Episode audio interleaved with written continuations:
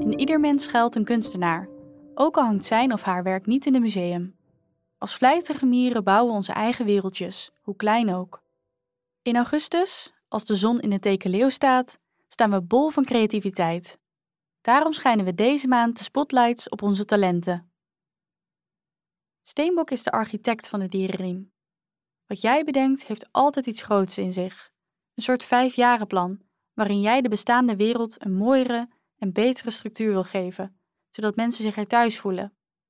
Dat laatste lukt niet altijd, omdat je soms iets te abstract denkt om aansluiting te vinden bij anderen. Dan kan je product iets te afstandelijk overkomen, maar dat is het niet. Ook is dat gevoel meestal tijdelijk.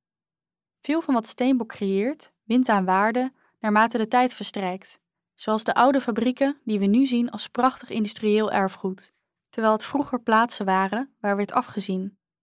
Het zijn plaatsen die vooral functioneel zijn, want, net als maagd, gelooft Steenbok in form follows function. Aardetekens willen altijd het nut ergens van inzien. Nu de zon in leeuw staat, permitteer jij je meer vrolijkheid en speelsheid dan normaal. Dat kan in je ontwerpen en ideeën tot uitdrukking komen. Natuurlijk is niet elke steenbok een architect, dus wat het terrein ook is waarop jij in actie wil komen deze maand, je durft grappiger, ondeugender en lichtvoetiger te zijn. Dat betekent dat je iets kunt maken dat rechtstreeks in de harten van anderen landt. Bedankt voor het luisteren. Wil je je maandhoroscoop nooit meer missen? Vergeet dan niet om je te abonneren op ons kanaal. Liefs, happiness.